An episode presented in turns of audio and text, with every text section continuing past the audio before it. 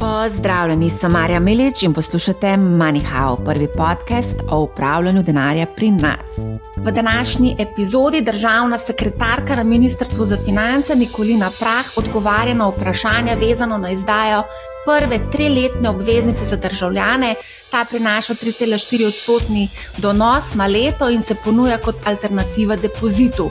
O tem smo pripravili že dve epizodi, to je tretja na to temo. Z državno sekretarko se bomo pogovarjali tudi o strategiji razvoja trga kapitala, ker je eden od ciljev tudi dvig.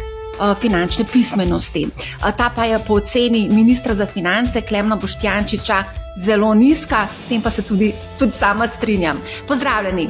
Lep pozdrav tudi imam imenu. Hvala za vabilo. Hvala, da ste se vzeli čas za pogovor. Uh, smo tik pred tem, ko bo prvič možno v bistvu upisati državno obveznico oziroma državljansko obveznico, ljudsko obveznico, kot ji pravimo. Upis se začne 1. februarja in traja do 16. februarja. Kakšna so vaša pričakovanja? Ja, hvala. Um, torej, tako kot ste omenili, 16 dni bo, trajala, bo trajal upis. Um, pričakovanja želimo si, da bi vplival predvsem na dvig finančne pismenosti pri malih vlagateljih, ker je tem tudi ta izdaja namenjena. Torej, eh, celotna schema izdaje je bila tudi tako narejena, torej od eh, ročnosti, od velikosti izdaje, od obrestne mere, kako se je določila, od porazdelitve distribucijskih mest po Sloveniji, tako da oni so tista ciljna skupina.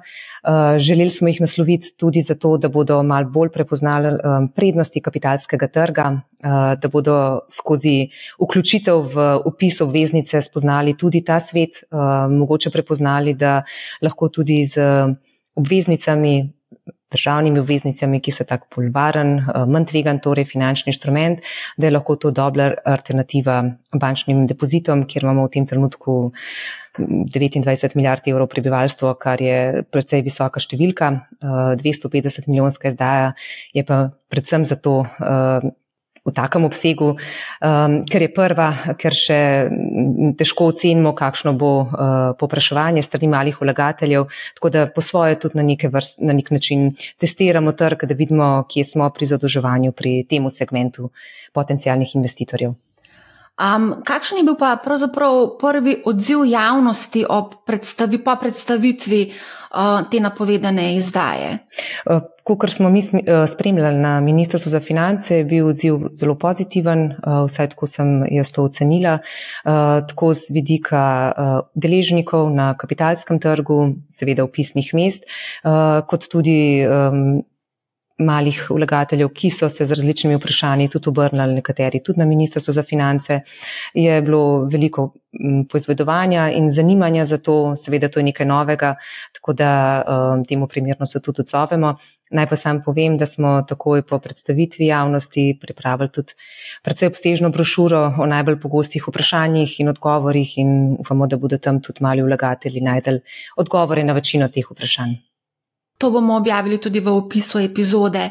Um, opis bo potekal od 1. februarja pa do 16. februarja. Uh, glede na to, da želite finančno opismeniti ljudi v to vrstnem dožniškem papirju, uh, me zanima, ali menite, da je dovolj časa, da se konzervativni vlagatelji spoznajo s tem inštrumentom, da se konec koncev tudi opogumijo za investicijo. Prav zato je mogoče izdaja tudi daljša, kot so naše sicer uh, to vrstne izdaje. Uh, tudi zato smo že vnaprej, kot sem omenila, pripravili tisto posebno, bom rekla, zloženko oziroma Q&A, no, uh, kjer bodo lahko dobili vse potrebna vprašanja. Poleg tega na upisnih mestih bodo lahko pridobili tudi dodatna pojasnila strani oseb, ki bodo tam sprejemale uh, podatke za upis. Tako da državni vrednostni papir vseeno ni tako zapletena materija, da mogoče tudi malemu vlagatelju, mogoče nepoznavalcu finančnega trga ne bi bila ob nekaj pojasnilih um, jasno, kaj želimo s tem doseči oziroma čemu se, um, kakšne vode se podaja. Uh -huh. uh, mi smo dobili kar precej odziva od naših uh -huh. poslušalcev. Um, pa me zanima, če ste mogoče, preden ste šli v to, oziroma ste um, napovedali to izdajo, če ste mogoče preverili konkurenčne produkte, ki so trenutno na voljo kot sva rekli, obveznica prinaša 3,4 odstotka na letni ravni, gre za triletni papir. Številne tuje banke, recimo v Sloveniji, zdaj trenutno ponujajo, imajo akcijsko ponudbo 3 odstotke za vezavo do 160 mesecev. Mhm. Se lahko zgodi mogoče scenarij, da se bodo depoziti samo prelili iz ene banke v drugo banko? Zdaj, ko smo, to se seveda vaše vprašanje veže na določitev obrestne mere, um, tukaj smo gledali več vidikov, torej več čas podarjamo, da ne zgolj, da naslavljamo razvoj kapitalskega trga, ampak se tudi uh, presoja oziroma ugotavlja primerno zadožitve države oziroma kako se upravlja z državnim dolgom. Tako da, ko smo ugotavljali višino obrestne mere, smo izhajali predvsem iz zakladnih menic oziroma kakšne obrestne mere se dosegajo pri teh izdajah. Namreč opažamo, da v zadnjem letu je število malih vlagateljev precej poraslo. Tako da smo nekako ekstrapolirali eh, obrestno mero, ki je bila dosežena pri zakladnih menicah, preverjali tudi seveda, kakšne eh, obrestne mere se na depozite dajo banke, ker gre za alternativo temu in je bilo presojeno tudi zato, ker gre za prvo to vrstno izdajo, da je nekako 3,4 odstotna, odstotne obresti, da so tiste, ki so primerne in naj bi tudi predvsej dovolj širok krok malih vlagateljev tudi naslovile in jih pritegnile k tej izdaji. Število malih vlagateljev je precej poraslo v zadnjem obdobju. Kako ste to ugotovili? Eh, Mislite, eh, tukaj sem se naslavljala na zakladne menice. Namreč, ko se dela mhm. aukcija, se, se iz aukcije oziroma iz eh, tega, kdo je vse participiral, prej vidi, kdo so mali vlagatelji, pa kdo pravne osebe oziroma celo institucionalni vlagatelji. A pa se vam zdi mogoče ta scenarij, da se bodo depoziti malce zdaj prelivali iz ene banke v drugo banko? Mogoče ta sitnost odpiranja trgovalnega računa komu ne bo ustrezala? Ja, zdaj prelivanje. Mi si želimo predvsem to, da um, ljudje prepoznajo, da je državna obveznica varen inštrument, da je alternativa eh, bančnemu depozitu in uh, da je primerna tudi uh, pač njegovim tveganjem oziroma željam. Tako kot smo tudi povdarjali v uvodni predstavitvi, ročnost tukaj je papirja je tri leta. Seveda bodo lahko vedno izstopili iz te transakcije pred tremi leti in uh, trgovali uh, oziroma prodali svojo obveznico na organiziranem trgu. Eh, tam so seveda pa podvrženi tržnemu tveganju. Če pa do dospelosti uh, imajo obveznico, potem pa zagotovo dobijo svojo glavnico in vsako leto 3,4 obresti na vložek. Vse tega se bomo potem malce eh, bolj podrobno dotaknili v nadaljevanju. Še ena zanimiva primerjava je, ki jo dobim pogosto od poslušalcev Manihau in sicer, da dobijo pri neobrokerju Trade Republic 4% na neinvestirana sredstva. Gre pa praktično za obresti na transakcijskem računu, ki so proste plačila davka. Vsaj tako bi moralo biti. Ne? Pri ljudski obveznici smo rekli, da so obresti neobdavčene do 1000 uh, evrov. Kako gledate na to? No? Zdaj imamo kar neki ponudbe na ja. trgu, imamo depozite 3%, potem Trade Republic ponuja na neinvestirana sredstva 4%. Je kar nekaj konkurence, če lahko temu tako rečem, te ljudske obveznici. Tako, absolutno. Zdaj, uh, tukaj naslavljamo uh, rezidente Slovenije, um, želimo ukrepiti slovenski kapitalski trg, tako da tudi nasla, distribucijska mreža je, torej so slovenske banke oziroma borzno-posredniška družba. Država je tista, ki je izdajateljica in jamči, kar pomeni, da je papir tako bolj varen. Mogoče malemu vlagatelju so tuje, tuji ponudniki mogoče še za korak dlje od tega razumevanja kapitalskega trga in je ta prvi, eh, ki je narejen z torej, državnim papirjem in preko slovenskih ponudnikov, mogoče korak v pravo smer za to, da pridobi prve izkušnje. Um, kaj pa v tujini uh, delajo, to pa mogoče za kdaj drugič, pa kaj ja. drugi ponudniki ponujajo. Ja. Uh, ja, preverila sem pri enem brokerju, ne o brokerju, če bi bili zainteresirani, da uvrstijo na svojo platformo tudi eno tako ljudsko obveznico, pa nekega zanimanja ni bilo, predvsem zaradi tega, ker je izključno namenjeno v bistvu slovenskim Mladim. državljanom. Uh -huh. Um, ampak vseeno, mogoče tukaj je še ena zadeva za, za mogoče vseeno omeniti, uh, glede na to, da se veliko krat izpostavlja Trade Republic, pa 4% na neinvestirana sredstva. Tukaj vseeno treba vedeti in pa povedati, da Evropska centralna banka bo nekje sredini leta verjetno začela z zniževanjem ključnih obrestnih mer, kar pomeni, da se bo tudi ta obrestna mera na neinvestirana sredstva verjetno uh, znižala. Tako. Tako da tukaj vas pa reke 3,4 praktično tri leta. Tako, tako. To se mi zdi, da je ključno. Koga v bistvu želite nagovoriti s to obveznico? Kdo so tisti, ki so potencijalni kupci? Predvsem Tako kot smo rekli, to je alternativa bančnemu depozitu, kar pomeni, da tisti, ki imajo na depozitih neka privrčevana sredstva, za katera ocenjujejo, da se jim obrestujejo po preniski obrestni meri, uh, jih ne bodo naprimer v treh letih prodali, če ne želijo seveda um, z njimi trgovati na organiziranem trgu, se mi zdijo najbolj primerni uh, kandidati. Gre, kot ste rekli, obrestna mera je trenutno po naši oceni ustrezna. Glede na predvidanja, kaj se bo zgodilo z obrestno mero ECB-ja, mogoče še toliko bolj zanimiv finančni inštrument, tako da ta, ta segment nagovarjamo. No. In zato je tudi omejitev um, opisa 1000 do 100 tisoč evrov. Uh, nekako je bilo ocenjeno, da je tista meja 100 tisoč evrov ravno meja med malim in velikim vlagateljem oziroma tudi tistimi, ki mogoče mal manj ali pa bolj poznajo delovanje finančnih trgov. Torej, tisti, ki imajo 100 ali več tisoč evrov za investiranje, že zdaj investirajo v različne finančne inštrumente, uh, lahko konec koncev participirajo že sicer pri primarnih izdajah obveznic tudi za institucionalne vlagatelje oziroma že itak trgujejo z obveznicami ali pa zakladnimi menicami celo na sekundarnem trgu oziroma jih upisujejo na primarnem.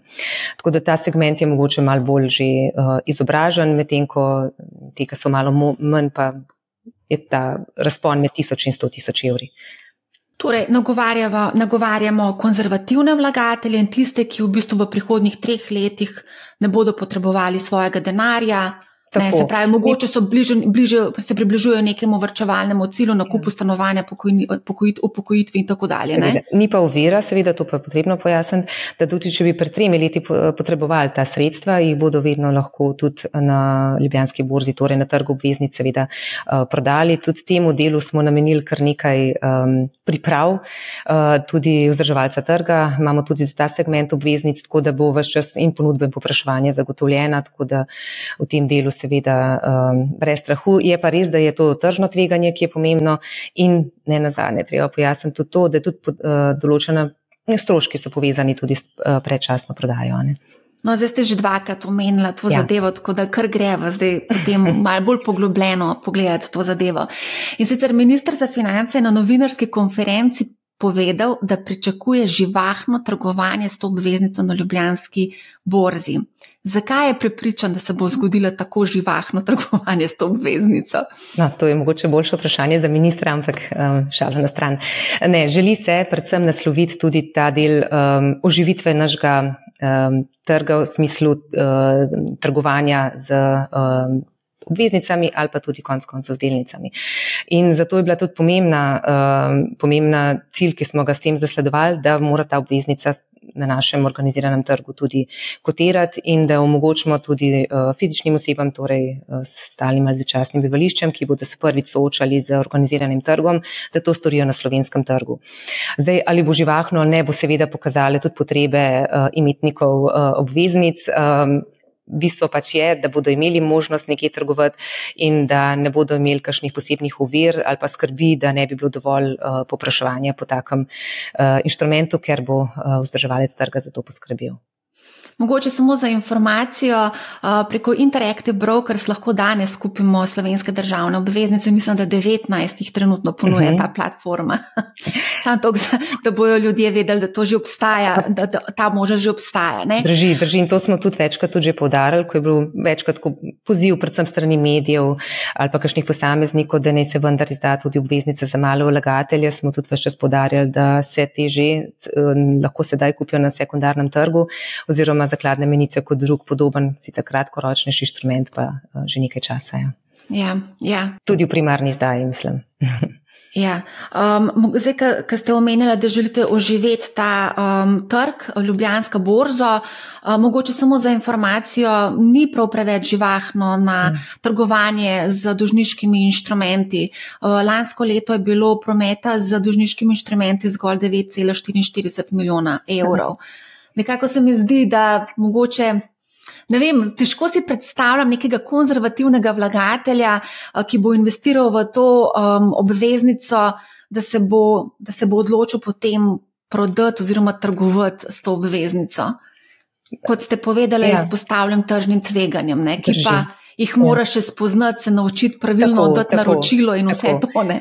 ne, pomembno se nam je zdelo, da ne izdamo samo neke državne obveznice in potem, bom rekla, na rekovajih prisilimo male vlagatelje, da tri leta uh, imajo to uh, naložbo, ampak da v življenju se lahko marsikaj zgodi, ampak da imajo nek way out, torej da se lahko uh, tudi ta obveznica nekje prodana in nekem preglednem, transparentnem, organiziranem trgu in to zagotovo uh, trg obveznic na Ljubljanski borzi je. In, ja.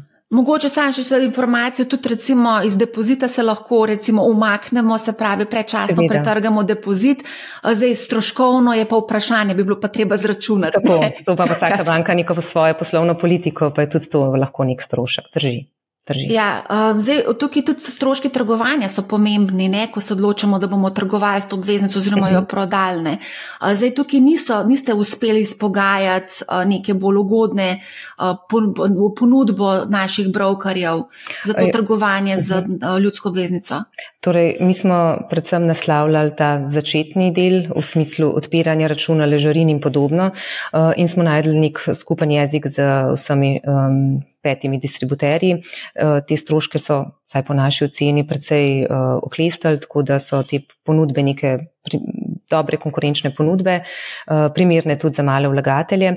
Res pa je, da to predvideva, da so do, do, do spetja, da so to pač neki letni stroški, ki bodo um, uh, zapadli, medtem ko stroški v primeru trgovanja so pa seveda dodatni stroški in se je potrebno, preden se upiše obveznica, seveda tudi o tem pozanimati in dobiti vse ustrezne informacije na opis na mestu. Ja. Um, zdaj, tudi sva večkrat omenjali te stroške. A ste vi mogoče preverili cenike slovenskih brokerjev? Veste, kako izgledajo? Zelo vem, na kaj uh, ciljate, so precej nepregledni. Zdaj, tiste, ki smo jih mi dobili v nov pogled, so bili precej bolj razumljivi.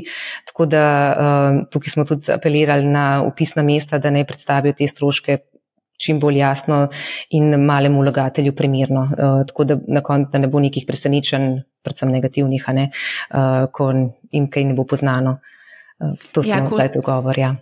kolegica se že par dni trudi razvozlati te cenike, Aha. vezano prav na ljudsko obveznico.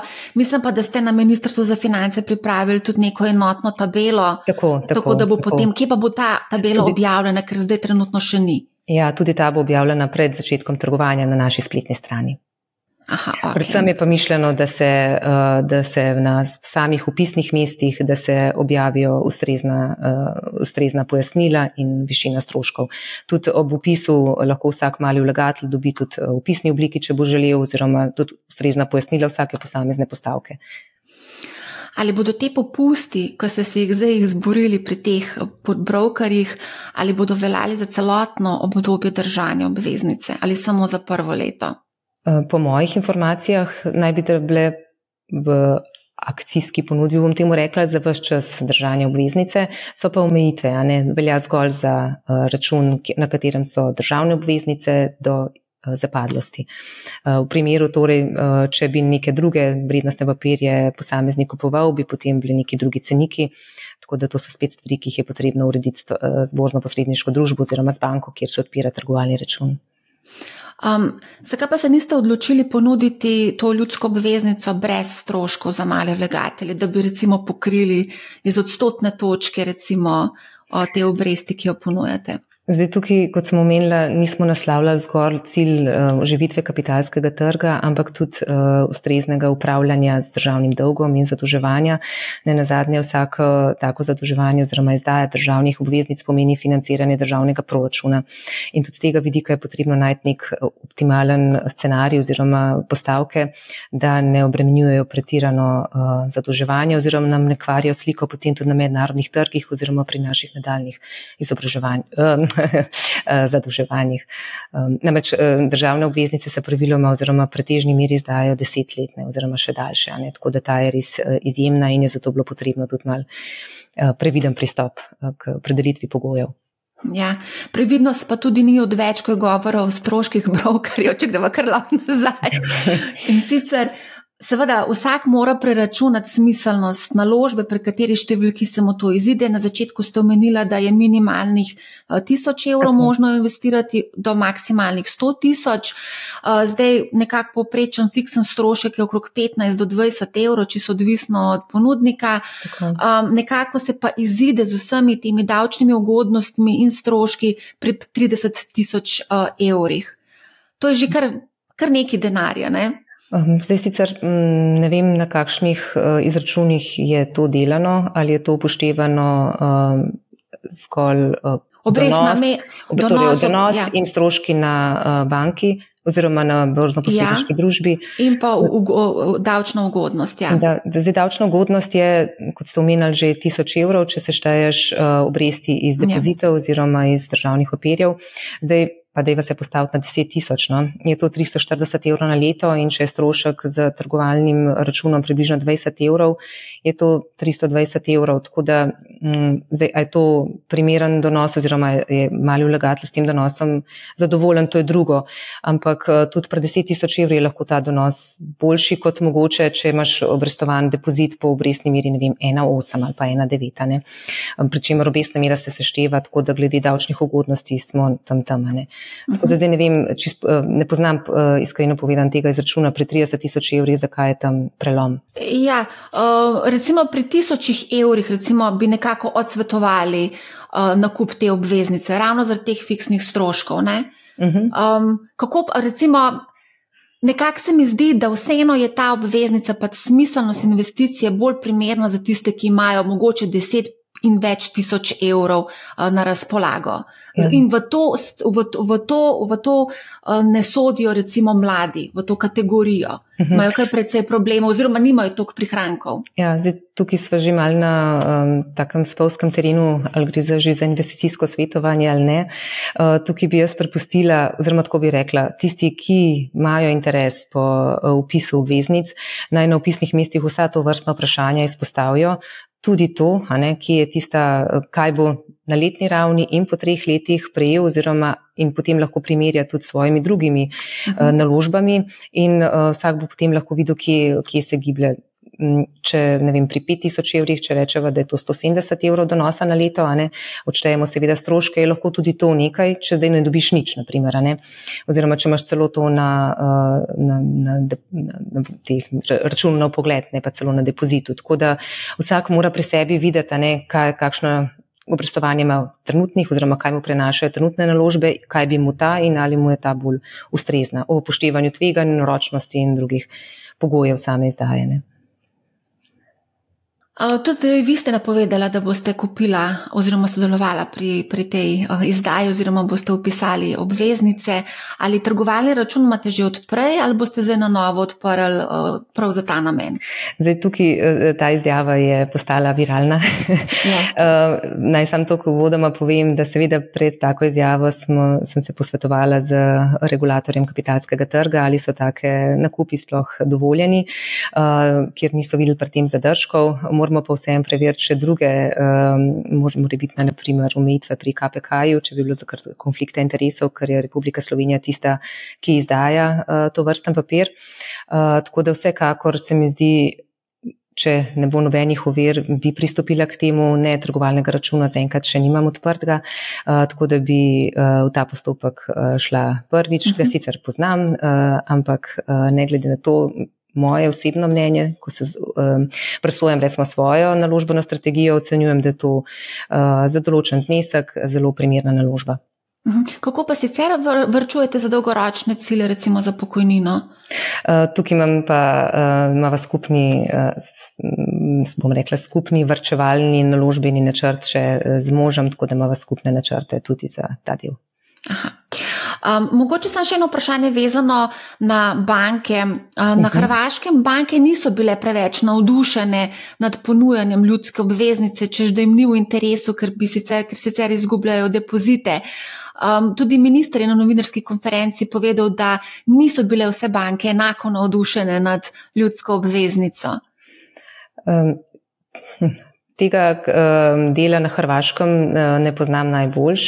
Vem samo to, da je bila na Hrvaškem izdaja nekoliko drugače zasnovana, tudi drugačna obrestna mera, je bila drugačna ročnost in verjamem, da če so banke imele depozite po nižji obrestni meri in če se jim je odlival Eh, denar na druge vačevalne eh, scheme, da so imeli lahko težave, mogoče ne vem, s kapitalsko ustreznostjo, likvidnostjo, drugimi um, deli. In verjamem, da je v Sloveniji lahko uh, pri manjših bankah sploh enako, ampak um, bi želela najprej videti, kakšen bo uh, zaključek te izdaje, da bomo videli, kakšen je dejansko učink, uh, ker glede na to, da je to prva, niti um, ne moramo še čist jasno predvideti, kakšen bo uh, vpliv naprimer na ta del, ki ste ga zdaj izpostavili. Bo pa to zagotovo, ko bo zaključeno, um, zanimivo preveriti. Finančna pismenost v Sloveniji je precej šipka, je na nizki ravni, recimo temu, tako tudi minister je na novinarski konferenci tudi to izpostavil. V primeru, da recimo ta izdaja ne bi bila uspešna, je celo napovedal neke nadaljne ukrepe oziroma lahko bi nas vse zaskrbelo za finančno zdravje v bistvu slovencev oziroma pismenost slovencev. V strategiji razvoja kapita trga kapitala ste pa tudi napovedali, da se boste lotili finančnega opismenjevanja. Pa me zanima, kako. Ja, zdaj, tako, tako kot ste lepo uh, zaključili, v strategiji smo to prepoznali kot enega treh ključnih uh, smeri, kati, s katerimi se moramo predvsej ukvarjati. Zdaj, to finančno izobraževanje oziroma povečanje pismenosti smo nekako delili na dva dela. Eden na prebivalstvo in drugi na gospodarstvo. Pa če se skoncentriramo zdaj trenutno na gospodarstvo, naprimer ravno taka izdaja državnih obveznic je eden lahko izmed teh elementov, kako približati kapitalski trg uh, prebivalstvu. Uh, Je pa res to, da ko smo ustanovili posebno delovno skupino z različnimi deležniki, takoj po sprejemu strategije, eh, v tej skupini so tako vsi trije regulatori finančnega sistema, vsa združenja, tudi ministrstva relevantna, smo prišli do zaključkov, da pravzaprav se na tem področju že zelo veliko dela. Eh, združenje imajo ogromno nekih delavnic, izobraževanj, predavanj, dneva od tega in onega, eh, kjer se poskuša na čim širši krok ljudi nasloviti ehm, vprašanje finančne pismenosti oziroma nasploh pregleda, kaj ponuja trg, kaj pomenijo naložbe, eh, kako se jih eh, obravnava, kako se jih sploh loti. Eh, tako da z vidika Ministrstva za finance smo potem presojali, kaj pa mi kot ministrstvo lahko v tem primeru sploh dodatno naredimo. Predvsem se je najdel plus v tem, da uh, bi postavili eno srednjo spletno stran, nek uh, forum, kjer bi bile vse te vsebine lahko zbrane oziroma bi vsi deležniki lahko na njej uh, objavljali določene informacije pomembne za ta segment. Druga stvar, ki se nam zdi ključna, je tudi v sodelovanju z Ministrstvom za šolstvo.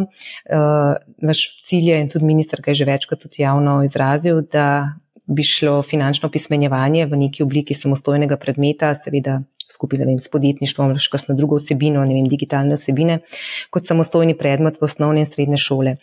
Namreč ravno zdaj smo v fazi, ko se ti predmetniki uh, pres, presojajo, ali so najbolj primerni ali ne, uh, vse en se posadabljajo in si bomo prizadevali, no, da tudi te vsebine dobijo mal višji pomen. Zdaj so tako nekako horizontalno vse posod po malem, pravzaprav ni pa uh, izplen prav dober. Um, dodatno smo tudi uh, konec lanskega leta pri Evropski komisiji prijavili projekt, kjer se bo uh, naredila ponovno ocena finančne pismenosti med prebivalci med 18 in 69 let. Ta ni bila delana že več kot 10 let, tako da bomo dobili zelo dobro sliko, kje sploh v Sloveniji smo in kaj je potrebno oziroma kaj nam, kateri ukrepi bi bili nujno potrebni za to, da se to izboljša.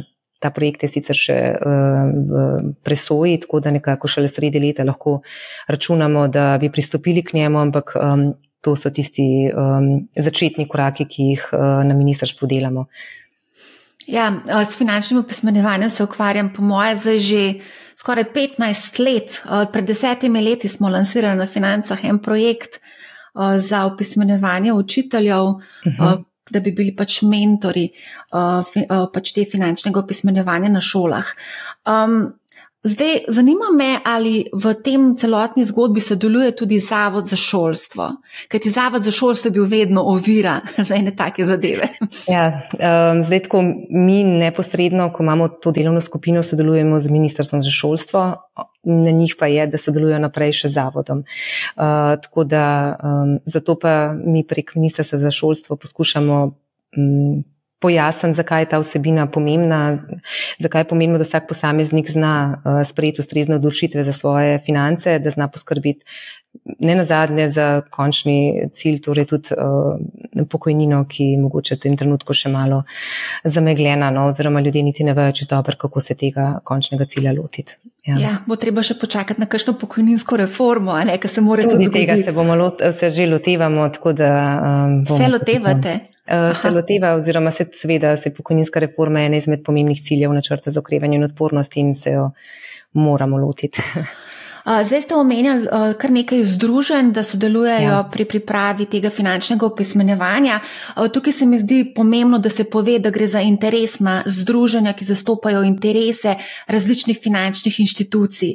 Te finančne inštitucije se pa pogosto omejujejo na slovenski prostor in kar malce pozabljajo, da je v bistvu vse en klik stran.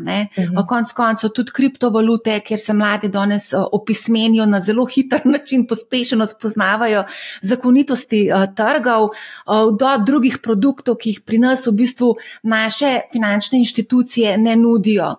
Um, a se vam to zdi primerno, da se interesna združenja v, v, so vključena v tem procesu, ne pa recimo nekdo, ki bi znal neodvisno pogledati na celotno zadevo? Zdaj v skupini niso samo interesna združenja, kot sem omenila, so tudi vsi trije regulatori, torej Banka Slovenija, Agencija za trg vrednostnih papirjev in Agencija za zavarovalni nadzor. Ta tri interesna združenja pa seveda pomembno tudi, kako um, subjekti na uh, trgu finančnega sistema, kako dojemajo finančno izobraževanje in pri tem res je, so zelo aktivni. Zdaj, seveda, Združenje Bank Slovenije bo imel bolj bančne vsebine, um, uh, Slovensko zavarovalno združenje ima seveda bolj zavarovalne, um, tako da tega se seveda zavedamo, ampak uh, tudi ta pogled je pomemben, da dobiš neko široko sliko, kaj, um, kako poteka oziroma kaj vse se dela na trgu z namenom finančnega izobraževanja. Konec koncev tudi zasebni uh, sektor ima zelo dobre produkte. Jaz sem bila, pa dobro, to je spet moje osebno mnenje, navdušena nad uh, finančno šolo, ki jo izvaja za najstnike uh, časnik finance. Uh, raven tako uh, prebiram zdaj tega, pa se ne da bi delala, ne želim delati reklame, ampak to je, ki se pogovarjajo o finančnem opismenjanju, recimo to je tak dober Eh, pilotni projekt, kako je dobro izvajati na, pri mladih, a ne uh, tudi to vrstno pismenjevanje uh, in na tak poljuden način prikazati, kako deluje finančni sistem oziroma čemu so namenjene posamezne institucije. Lahko rečem najlepša hvala. Jaz sem namreč tista, ki sem postavila temelje tej finančni šoli. Eh, potem pa čestitke. Se upravičujem, da tega nisem vedela, tako da ja. čestitam. Žal pa je ta projekt mogel ostati na financah, s tem, ko sem jaz šla, zato pa je nastal manjhav. Um, no, v glavnem, um, ja, uh, mogoče še vezano na uh, finančno opismenjevanje. Um, Zanima me, recimo, tudi opažam pogosto, ko se pogovarjam z raznimi odločevalci, da tukaj zelo peša finančno znanje. Kako recimo pa na to odgovarjate ali pa recimo kako pa finančno opismenjujete sami sebe, če lahko tako rečem? Um, zdaj tako znotraj javnega sektorja so takšne in podobne delavnice, kjer se seveda predvsem z vidika javnih financ pojasnjuje, uh, kako delujejo štiri blagajne uh, javnih financ, uh, kako se polnijo, čemu so namenjeni davki, kako sploh poteka proračunsko načrtovanje, tudi zato, da na ministrstvih vedo, kako potem pristopiti tudi k temu. Uh, temu delu, tako da znotraj javnega sektora je seveda so določene interna izobraževanja. Je pa kot zanimivost, ker ste to omenili, eh, ena izmed idej v tej delovni skupini je tudi bila, da bi po zvoru uh, tega varstva pri delu, da bi to vrstno izobraževanje naprimer imeli tudi delodajalci z vidika nekih finančnih vsebin. Tako da eh, delovna skupina naprimer se je tudi s to zanimivo temo uh, ukvarjala.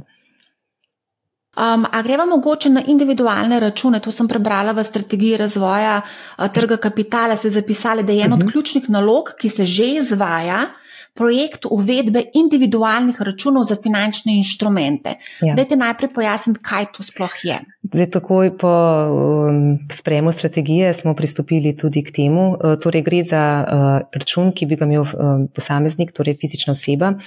Ideja je, da bi znotraj tega računa lahko posameznik kupoval in prodajal finančne inštrumente, pri čemer pa um, bi naprimer neke davčne obveznosti nastale šele, ko bi prišlo do preliva na uh, transakcijski račun. Zdaj, kakšne bi bile to uh, ugodnosti in tudi kakšno bi bila lahko vložek uh, na leto, to je še stvar, um, ki jo še delovna skupina presoja. Tukaj smo uh, intenzivno sodelovali tudi z regulatorjem, torej z ATVP-jem, tudi z ostalimi regulatorji po, po EU-ju, tako da smo dobili nekako primerjalno, kaj je tisto, kar bi bilo smiselno tudi pri nas urediti. Uh, dobili smo z nekaterih uh, jurisdikcij tudi nek tak um, vestilo, no, kako bi rekla, da uh, je to zelo pomagalo pri njihovi živitvi in prepoznavnosti kapitalskega trga, ker so uh, ljudje začeli v bistvu na to vrstnih računih vrčevati za neke dolgoročnejše cilje. Se pravi, kupovanje in prodajanje, kako tako. pa se to kaj tepe z trgovalnimi računi no, pri brokerjih? Tako, to je tudi tista stvar, ki se naslavlja znotraj skupine, uh, tako da se bo to dovolj ločnica postavila, da se bo vedel, kje je uh, namen, kaj je namen enega in kaj je namen uh, drugega, tako da v tej smeri se bo potem morala spreminjati tudi uh, zakonodaja. Um, zakaj pa se ni čakali mogoče s to državno ljudsko obveznico uh, za uvedbo teh individualnih računov, da bi se direktno lahko preko tega potem investiralo? Mogoče bi bilo lažje. To bomo še videli, ker, ja, ker problem je, ker vprašanje, kdaj bo ta zakonodaja sprejeta. Nismo želeli predolgo odlašati, lahko da bo trajalo vem, še leto ali pa pol. Uh, priložnost za izdajo obveznice pa glede na razmere trenutne na trgu, glede gibanja obrestnih mer, bila pa taka, da smo nekako cenili, da je primerno, da se mogoče naslovi tudi ta segment uh, investitorjev. Uh-huh. Kako pa je z vzpostavitvijo enotne vstopne točke in kaj to sploh pomeni? Enotna vstopna točka je pravzaprav projekt eh, ATVP-ja. Torej gre za, uh, na svoji spletni strani imajo neko mesto, kjer lahko vlagatelji, torej tisti, ki želijo, oziroma izdajatelji, se pravičujem, ki želijo izdati obveznice oziroma katerekoli vrednostne papirje na organiziranem trgu, dobijo na zelo enostaven način vse informacije in tudi kontakt z ATVP-jem, da jim pomaga pri tem, vključno z obrazci, ki so potrebni za to, da se uvrstijo papirji tudi na organiziran trg oziroma prvi vrsti, seveda, da se sploh izdajo. Um, zanimivo, ker preden smo se vklopili, uh, smo se pogovarjali o digitalizaciji, uh, ta je večkrat omenjena tudi v tej uh mhm. -huh. strategiji. Recimo, marsikoga pa tudi zmoti, da je danes potrebno fizično v banko ali k brokerju, da odpremo ali pa zapremo račun, kako je zdaj s tem? zdaj, možnosti uh, so tudi oddaljenih, uh, torej video uh, klicev, preko katerih se upravi identifikacija. Pravne podlage za to imamo, je pa seveda na vsaki banki oziroma brozno-posredniški družbi odločitev, kako bo to v svoje poslovne procese vključila ali pa ne. ne. Tako da tudi, recimo, tudi z vidika upisa državnih obveznic je tudi to, to lahko opcija pri določenih ponudnikih. Pri določenih, ni pa pri tako, vseh. Ni pa pri ja, ja. vseh, tako. Um, še davčna reforma nama ostane in sicer ste tudi v tej strategiji napovedali spremembo davčnega sistema. Pa me samo zanima, kje smo tukaj z davčno reformo. Uh, zdaj, tukaj ja, nekaj smo nanizali, neki um, področji, ki bi jih preučili z vidika, da bi izboljšali uh, davčno obravnavo tudi uh, za potrebe kapitalskega trga oziroma za njegovega razvoja. Zdaj, prvi korak, lahko rečem, je bil že ta uh, obdavčitev. Uh, donosov iz državnih vrednostnih papirjev. Um, druga, drugi del, ki se ga bomo lotili, je ta individualni finančni račun, ki se spet nekako nanaša na obdavčevanje. Drugače pa znotraj prenove davčnega sistema, ki, se, ki bo naslavljal tudi eh, lahko uh, premoženske. Davke, oziroma davke tudi na, na kapital, se bodo odprla tudi ta vprašanja, in bomo videli, uh, kakšen bo potem uh, učinek. No, Enkrat težko karkoli napovedujem. Ja, mislim, da je bilo odso rečeno, da bo uh, v začetku marca ali marca enkrat, da ne bi bilo malce več znano o davčni reformi. Oblikovale se bodo tako delovne skupine na, uh, in strateške skupine, tako da bo takrat več vedno. Uh, več A ta delovna skupina za davke je že oblikovana, je zdaj proces oblikovanja? Proces oblikovanja je tako. Ok, super, najlepša hvala. Hvala tudi vam za vabilo in za tale pogovor. Hvala tudi vsem, ki ste se nam danes pridružili in nas poslušali. Poslušajte Manihau, ne bo vam žal in lep pozdrav.